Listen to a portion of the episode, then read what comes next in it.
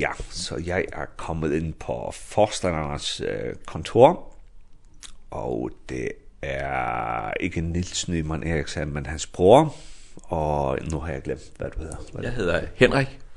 Henrik Nyman Eriksen, og Henrik har været uh, forstander her i 19 år, og det er faktisk hans uh, sidste halvår, og så skal han være rektor på DBI.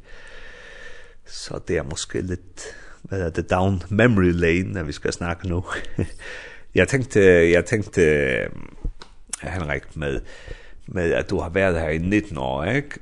Har, har du måske någon upplevelse med någon elever som som du liksom huskar att, at de har fått ett eller annat beröring fra Gud, eller at de har haft nogle oplevelser, som du liksom husker tilbage på? Ja, det synes jeg. Øhm, Jeg kom til at tænke på et, et par, par fyre over fra Vestjylland, som, øh, som måske ikke i udgangspunktet tænkte, at de skulle på bibelskole. En, en mekaniker og en autolakerer. Ehm Nikolaj og Jakob hed de, eller hedder de og var sådan den der, den der lidt seje, måske nok vokset op i en kristen familie, men skulle ligesom prøve grænserne af, og var mere til, til biler og, og fart, og, og, og, og prøve sådan, og, men så havnede de på en eller anden måde herover og kom på bibelskole, og, øh, og det blev helt tydeligt en, øh, altså det vendte op og ned på deres liv, altså de, øh, øh, de opdagede jo, hvem Jesus er, og hvor fantastisk han er, og, og de havde nok vidst en masse på forhånd på en eller anden måde, fordi de var vokset op i en kristen familie, men det blev ligesom, det gik ind og berørte dem dybt i hjertet, og, og ændrede deres liv, altså Ehm det ligger nogle år tilbage og jeg mødte en af Adams øh, mor her for nylig og nævnte det der med at han han gik jo herover for 5-6 år siden. Ja, sagde hun. Og det hans liv blev anderledes. Og det er jo det det synes jeg var var rigtig dejligt at høre altså om ehm jamen altså den ene af dem han kom tilbage og arbejder stadig som mekaniker, men hans liv har fået ligesom noget andet og øh, og er blandt andet jeg har mødt ham i forbindelse med sådan en blå kors lejr hvor man tager sig af børn fra misbrugshjem, ikke også kristne lejre der. Ehm og har sådan en en helt ny ehm ja, hans liv har fået en ny retning, ikke? Og ham autolakeren, ja, han er blevet præst. Så øh, øh, så det har liksom vendt noget, ikke også? Altså øh, og og det er rigtig dejligt at få lov til at at, at se det ske, altså. Jeg synes også noget som øh, som jeg har øh, mødt nogle gange, det var jo at øh, at der er nogen der kommer hertil, måske også fra en kristen familie, men de har ikke rigtig fundet ud af, hvad skal vi sige, at det her altså vil jeg selv være kristen, når det kommer til stykket, ikke? Og så er der nogen, det siger de ikke, når de kommer, men det kan de nogle gange sige bagefter, ikke også? At det var egentlig, jeg havde egentlig tænkt det her, det var et, nu skulle kristendom have et sidste skud. Så ser vi, om det er noget. Og så, og så kom de her. Og så jeg har gerne en samtale med dem når, til sidst, når, når, når, når inden de slår, stopper alle eleverne. Og, øh, og så er der nogle af dem, der fortæller, ikke også? Ja, ja altså, jeg vidste egentlig ikke, om jeg ville være kristen, men nu vil jeg give det en sidste chance. Og nu ved jeg bare, at det vil jeg, for jeg har ligesom opdaget, hvor, hvor godt det er, ikke også? Altså lyset er gået op for dem, ikke? Så føler man virkelig, at hold op, det er godt, vi er her, ikke? Og så er der også nogen, hvad skal vi sige, øhm, jeg kan huske, der var en, der fortalte på et tidspunkt, som, som øhm, jo hele tiden havde ønsket at være kristen og så videre, øhm, men så havde været hjemme på weekend, øhm, et sted i Jylland, ikke også? Og så tog toget herover og så fortalte mig, at ja, det var mærkeligt, fordi jeg jeg har aldrig gjort det før, men, men jeg sad, og jeg, der i toget på vej fra Jylland, jeg sad, jeg, så fandt jeg min bibel frem, og så sad jeg og læste min bibel, simpelthen bare fordi, at jeg havde lyst til det. Øh, og, den der, og det har jeg aldrig gjort før i tog, altså sådan. Men, men, men, men, men jeg har bare fået en ny øh, lyst og glæde ved Guds ord, som, øh, som gjorde, at, øh, at øh, at jeg lige pludselig sad jeg der i toget og gjorde noget, jeg aldrig havde gjort før, nemlig jeg åbnede min bibel, øh, og der sad folk omkring og sådan noget, men, men det, det ville jeg bare gerne gøre. Så er der også noget, som er mere sådan almen menneskeligt, altså hvor at, at nogen har, øh, har, har, har fortalt og givet udtryk for, at, at de har haft det svært med, med at være i fællesskab med andre. Ehm og så er der nogen, der så, så siger, jamen, og her, jeg føler, at for første gang, der kunne jeg få lov at være mig selv. Det var også stort. Ja. Så jeg synes, jeg har mange, altså, jeg, når, og sådan, når man åbner op for posen, så, så dukker de sådan lidt op, ikke? Altså, og, øh, og det er dejligt at få lov at være med til at du har så været i, i 19 år, og det vil sige, at der er 38 hold, men der er så nogen, der har gået i 10 måneder, ikke? Men, ja. men hvor mange cirka om året er der så? Jamen, det er jo mindst 100 om året, tænker jeg i snit, ikke også? Så det bliver jo, det bliver jo øh, tæt på 2.000, tror jeg, øh, i, der har været forbi, ikke? Altså unge mennesker, og det er jo en, det er jo en gave at, at få dem ind her i huset, og øhm, og de langt langt de fleste kommer jo fordi de vil det som vi gerne vil og og så så kan der ske noget. Ja. Og og og nu hvor du så skal til at at at flytte stillinger holde op her på LMH, er, er det liksom det, som sidder tilbage? Er det personerne, som har gået her, som du har kommet til at kende, eller er det mere, hvad skal jeg sige, det, det teologiske og visionsmässig som du har byggt upp är väl, väl liksom står till i minnen nu vad du ska till att gå upp och, och, vad heter det pelarna och, och dra vidare. Jamen, jeg synes jeg synes jo det er flere ting. Altså det er jo de her personer ehm gode personer om en, historier om enkelte personer ikke også for hvem skolen eh øh, var med til at gøre en forskel og har fået lov til at være med til det. Og en del af det handler jo ikke om, at det er mig, der har gjort det. Det handler om, at vi er et, et, vi er et team her på skolen med lærere og andre medarbejdere, som til sammen har fået lov til at skabe nogle rammer, ikke også? Øhm, men så har jeg jo også, hvad skal vi sige,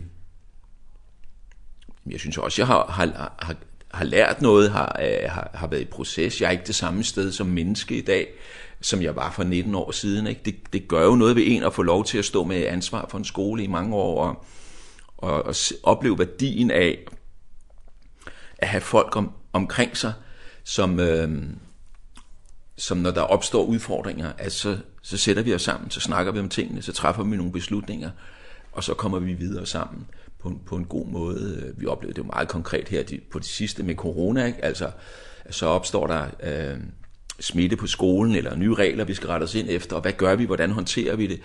Og så sætter vi os ned og finder finder løsninger sammen. Og den der oplevelse af at være en del af et, af et team hvor det måske godt nok er mig der der har liksom skulle øhm, konkludere på en eller anden måde men jeg har ikke følt jeg har stået alene. Oplevelsen af at det der med at være være sammen om øh, at løfte opgaverne og tænke nye tanker og træffe beslutninger det, det tager jeg med mig som en fantastisk ting, altså. Og det handler jo først og fremmest om medarbejdere og kollegaer. Øhm, jeg synes også, jeg har lært øh, og blevet opmærksom på værdien af, ehm at, at en leder skal ikke være bedst til det hele. Altså, fordi det er ikke godt, så, så, så, så bliver det jo ikke bedre, end jeg er, vel? Men, det, men det, det er rigtig vigtigt at have nogen i huset, som er bedre end mig på deres poster, øh, for at, at der kan, skolen kan være i udvikling og i proces. Ikke også? Og det kræver selvfølgelig øh, lidt ydmyghed, at man bare ved, at der er nogen, de er dygtigere end mig.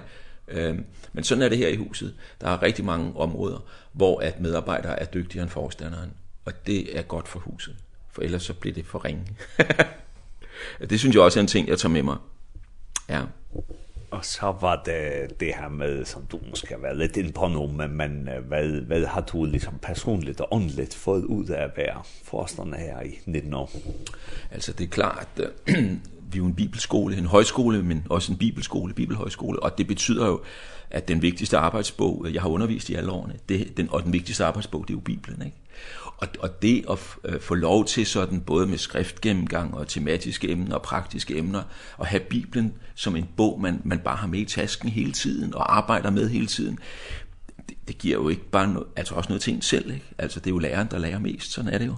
Og, øh, og derfor har jeg fået rigtig meget ud af det, Ehm mit forhold til Bibelen er, er, er klart blevet uddybet af en et, et, det er blevet sådan du kan kalde det en form for hjemmebane at være i, ikke? Altså ehm ind i Guds tanker og Guds univers.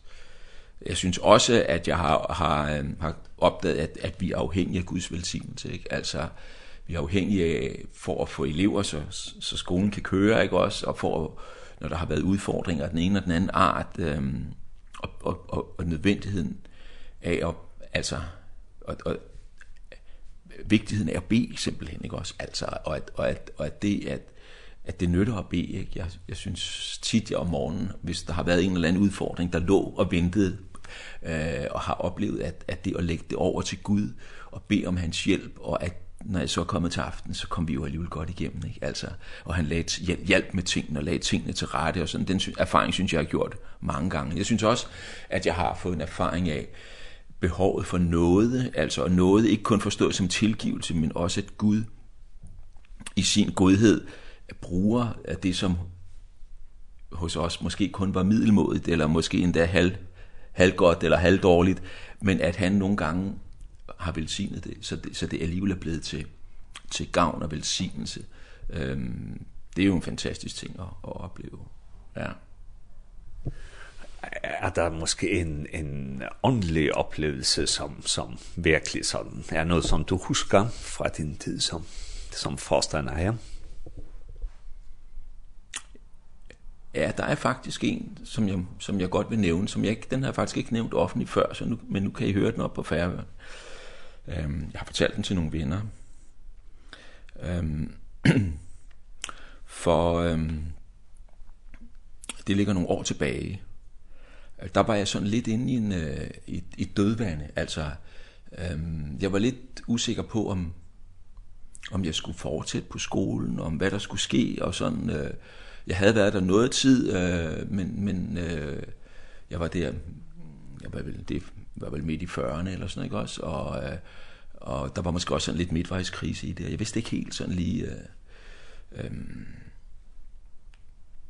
så var jeg på en konference i Polen, i Wisla, med det her, der hedder European Leadership Forum, som er sådan et øh, evangelikat lederkonference, der er hvert år i, i slutningen af maj måned.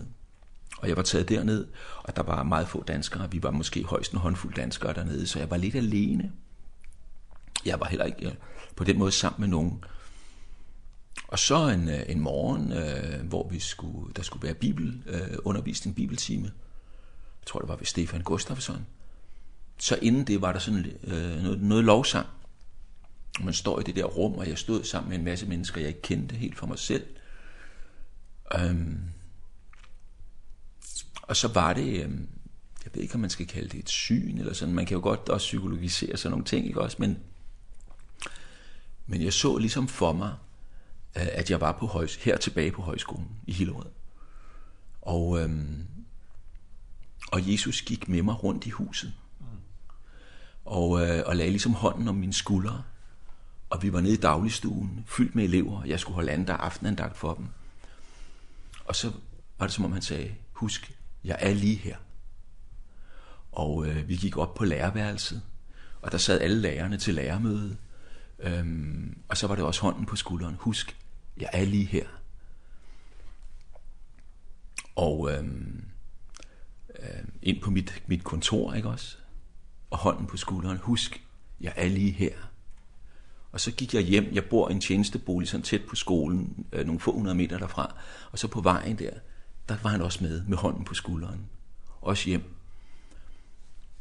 Og, øhm, og øh, og så, da vi, så, så, så kommer vi ind i vores, altså i, i vores hus, og der kommer min kone så i møde. Og der er sådan lidt, øh, hvad, hvad, hvad med hende? Altså, kan vi finde fodslag i det, der skal ske her, ikke også? Og så, øh, så har I, altså det der med, Jesus har ligesom lagt hånden på min skulder, ikke også? Men så, da hun så kommer, så lægger han også hånden om hendes. Og så kommer det igen, ikke? jeg er lige her. Og den øh, øh, man kan sige øh, oplevelse eller sådan, den øh, den hjalp mig i den situation øh, til at gå videre og den den det, det kom tilbage til mig som en en erindring. Øh, det har jeg faktisk gjort ganske mange gange i årene efter som en en opmuntring når, når det bare er lidt svært, eller for det, man, kan jo ikke, man er jo ikke sådan et sted her i 19 år, og så er det bare solskinsdag, og alting lykkes hele tiden. Vel? Der er også sådan, der er ups and downs. og så er det kommet som sådan en, en opmundring. Øhm, det er jo et løfte fra Bibelen, jeg vil være med jer alle dage, men, det, men i den her udgave, der lød, husk, husk, jeg er lige her. Øh, det, har, det, var, det, har, det har betydet rigtig meget for min tjeneste faktisk, og for min frimodighed i perioder. Det var meget smuk oplevelse, Henrik, og tak for det, du delte den. Øhm, ja, og så tænkte jeg med, øh, hvis vi tager mere din, hvad hedder det, skoleleder hat på, og vi skal snakke lidt om, om skolen. Mm. Øhm, øh, ja, så, så, så der er cirka, hvad sagde du, 100 om året, ikke? Ja, det er, altså, vi har måske en, skal vi sige, cirka 45 elever om, øh, om, om efteråret, og måske en, lad os sige, en 60, 65 om foråret. Øh, det svinger noget op og ned, ikke også? Øh, så det er, det, det er det lag. Og der er så nogle af dem, der er genganger. Ja, men det giver, jeg tror, jeg, det er ikke helt skævt at sige, sådan cirka 100 ansigter, forskellige ansigter på årsbasis. Ja i snit. Og nu har Silja, hun har fortalt mig om, om hvilket fag der er, og hvordan en, en hverdag ligesom foregår. Men mm. Men hvis du skal måske tegne noen litt overordnede eh, linjer, hva, hva, hva er liksom visjonen med, med skolen, og hva er det som vi legger vekt på når vi liksom har et, et sånn et høyskoleopphold på fem måneder? Ja. Vi har, man kan sige, hvis man kigger i vores vedtægter, og det, det, nogle gange, nogle oplever vedtægter som noget meget støvet, men i virkeligheden er, er de også nogle, noget dynamisk, noget levende. Og, øh, og vi har samlet skolens formål er samlet i tre punkter, som vi har et ord for hver af dem. Livet, troen og tjenesten. Og når det gælder livet, så er det, at vi jo gerne vil være, være et sted, hvor eleverne øh, vokser og modnes som mennesker vi er jo en bibelskole, men vi er også inden for højskolerammen, og et nøgleord i højskolen, det er jo livsoplysning og så videre, ikke? Og så, så vi vil gerne hjælpe de her unge kristne mennesker, som kommer her, til også at blive sunde, helstøbte, livsduelige kristne mennesker. Ehm og derfor har vi jo også sådan nogle fag som identitet og hverdagspsykologi og den slags, fordi at det er også den det at være blive et et, et sundt menneske hører også med til det at være kristen og være Guds barn. Så det andet, det er troen. Og det fylder jo rigtig meget. Det er både at hjælpe eleverne til en afklaret tro på Jesus, men det er også at, at, at, at, at hjælpe dem, for de fleste kommer jo med, som troende og med en kristen bekendelse, til at vokse i troen, vokse i erkendelse af, hvad er det, der, ja, der gælder for mig, når jeg er en kristen, ikke også? Hvad er det for en virkelighed, der gælder?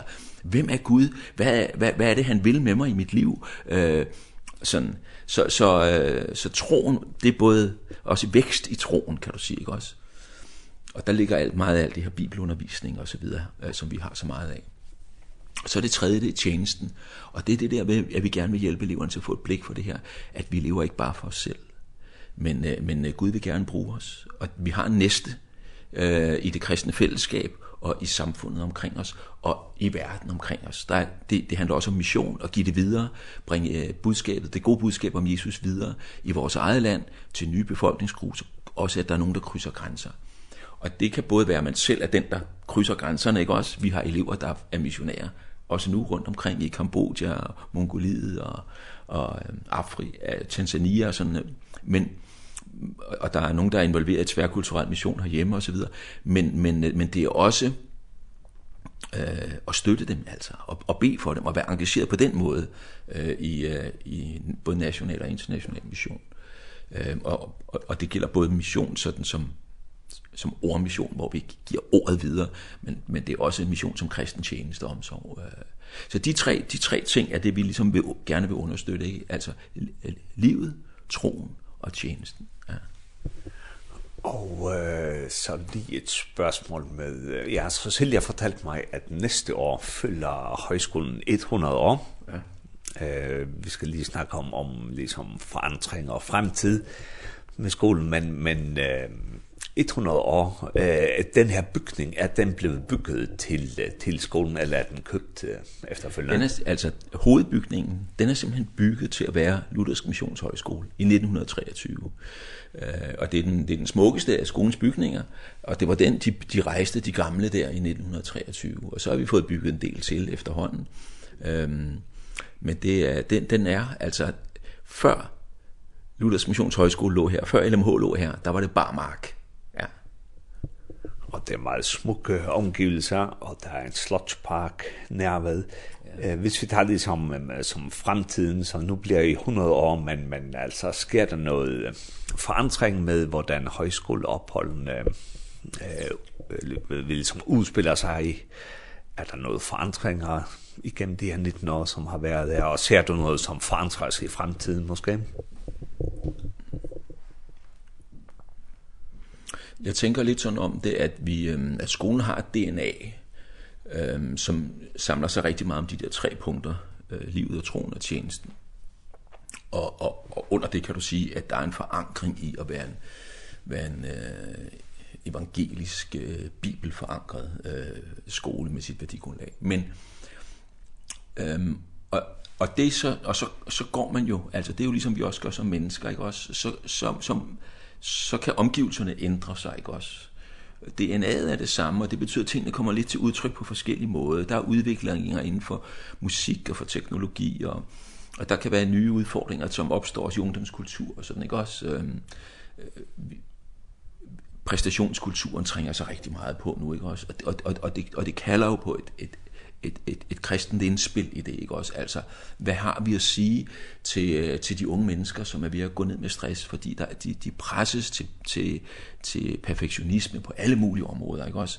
Ehm hvad hvad hvad hvor har evangeliet noget at spille ind der? Og og og, og, og på den måde hvad skal vi sige, der er en bund og en kerne, som er den samme, men der er nogle udfordringer, som, som varierer, så opstår den nye ateisme, så må du også forholde dig til det, og sådan ikke også, eller, og vi har hele øhm, klimaspørgsmålet, så må man også på en eller anden måde, og det kan godt være, at det kommer til at fylde mere de kommende år, sådan nogle ting, altså, men, men, men, men der er sådan en grundlæggende DNA, som jeg tænker er det samme, og så vil der være udfordringer, sådan, som, som kommer løbende. Og, øhm, Og derfor har vi jo også vi har løbende haft sådan nogle målsætningsstrategiprocesser og sådan nogle også og jeg har vi har en der slutter nu her, ikke også? Og, og det skal den selvfølgelig, fordi at at det er ikke til at komme som en ny forstander efter mig og så skulle til at føre Henriks visioner ud i livet, men han skal jo finde sin egen. Der har fundet en god ny ung øh, forstander efter mig. Og øh, og, og det er jeg meget tryg ved. Altså det skal det skal nok det, det skal nok gå godt. Eh, og Silja fortalte mig, at, at der er noget, der hedder temaundervisning, ikke? Og, og, og det der temaundervisning, det kan så forandre sig, mm. alt efter hvad lærerne liksom øh, synes er spændende, og hvad, hvad de unge har brug for, og sådan noget. Er det lang tid siden, I begyndte på at lave lidt mere flydende emner? Er det, er det ikke er det samme fag hvert skoleår? Altså, vi har, der, der er jo en del fag, som går igen, men, men for eksempel det her temaundervisning, det er jo det er jo for at have en fleksibilitet, hvor der kan være nogle, nogle emner, som ikke rigtig bliver dækket i de, i de faste fag, som vi udbyder. Og så er det godt ligesom at kunne tage noget, tage noget ind. Øhm, dels kan det være, at det ikke rigtig egner sig til at have et, et, et helt forløb, eller sådan, øh, det passer bedre med en dobbelttime eller to dobbelttimer. Men det kan også være, at, øh, at det er noget, som... Øh, øh, som bare er aktuelt der trænger sig på, ikke også? Og så er det godt at have sådan, og vi har vi har det her temaundervisning, og vi har også nogle foredragstimer, øh, hvor hvor emnet ikke er givet, altså det det vælges fra uge til uge, ikke også? Ehm så så det så det det tænker jeg er en en det er en fleksibilitet som er lidt vigtig, øh, når man liksom har en fast sådan øh, bibelsk evangelisk forankring, at du har også den der fleksibilitet i de aktuelle behov som som øh, som kommer ind, ikke? Ja. Og så til sist tenkte jeg at, at uh, snakke med dig om om hvis der er færinger, som vil på LMH, ikke? Eh, og, og der har jo gået mange færinger ja. gennem de her 19 år, og også før det. Ja, ikke? nemlig. Der har været rigtig mange færinger. Eh, ofte sådan 1, 2, 3 stykker, ikke? Også af gangen, ikke? Eh, og det betyder også, når jeg indimellem er på færøerne, eh, typisk for at, at forkynde, så, øh, så møder jeg jo gerne øh, tidligere elever, og det er en stor glæde. det er det. og jeg håber også, der fremover vil være færinger, der, der, der ser den her vej og, og tager en tur til LMH i 5 eller 10 måneder. Øhm, og så er der jo det ved det, har jeg bare lyst til lige at nævne, ikke? At, at der er øh, bevilget penge til øh, i det, der hedder rigsfællesskabspuljen sådan så at hvis der er danskere, der vil på højskole på Færøerne eller Grønland, så kan de få tilskud. Men også hvis der er færinger, der vil på højskole i Danmark, kan man få tilskud. Og øh, man får øh, 700 kroner om ugen, og det er ganske meget, en ganske stor del af betalingen for at gå her. Øh, for et efterårshold er det 14.000 kroner. Øh, så, øh, så det er sådan lidt en chance, vil jeg sige, øh, som... Øh, måske især, hvad skal vi sige, færinger skal være opmærksom på, at, at hvis man lige, man skal selvfølgelig have meldt sig til i lidt god tid, fordi at der er en ansøgningsfrist, men så, og mit indtryk er, at de får ikke brugt puljen op. Så, så det er bare om at holde sig til. Ja. Og man kan se på vores hjemmeside, hvor man skal søge og sådan noget. Ja. Så rigsfællesskabspuljen, hvad er hermed anbefalet? ja, og det er så lmh.dk. Ja. Og ja, så vil jeg takke for, for besøget både med rundvisning med Silja og med dig her.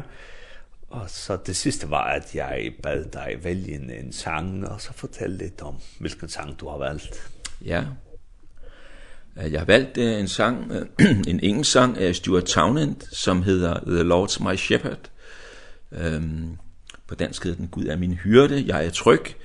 Og øhm, jeg underviser i Johannes evangeliet, og har tit været omkring kapitel 10, hvor der jo tales om Jesus som den gode hyrde.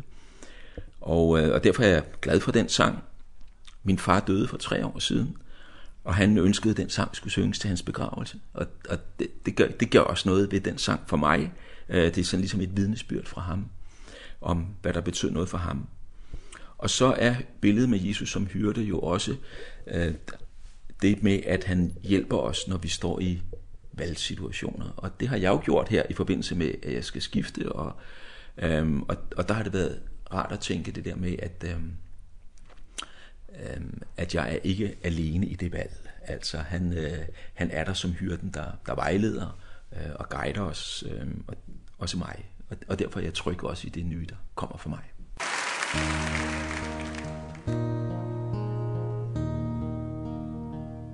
The Lord's my shepherd, I'll not want. He makes me lie in pastures green. He leads me by the still, still waters. His goodness restores my soul. And I will trust in you.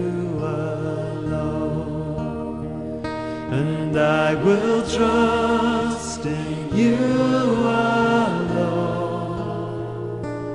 For your endless mercy follows me. Your goodness will lead me home. He guides my ways in righteousness.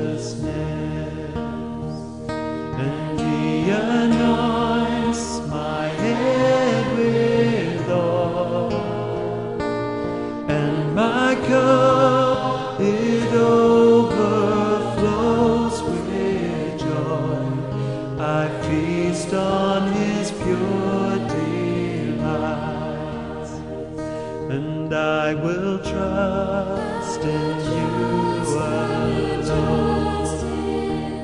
And I will trust in you alone. For your endless mercy.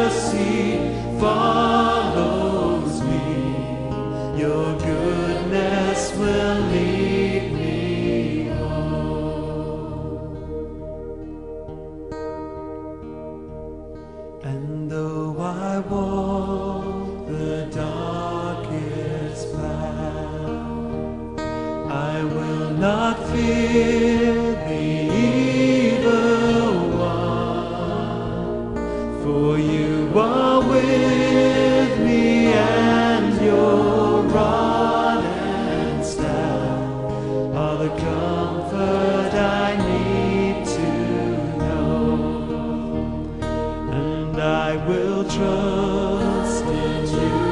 I in and I will trust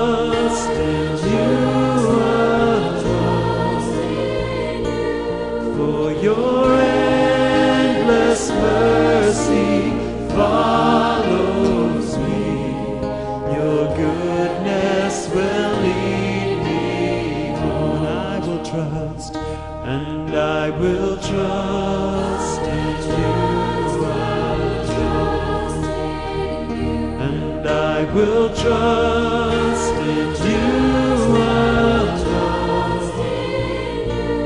for your endless mercy.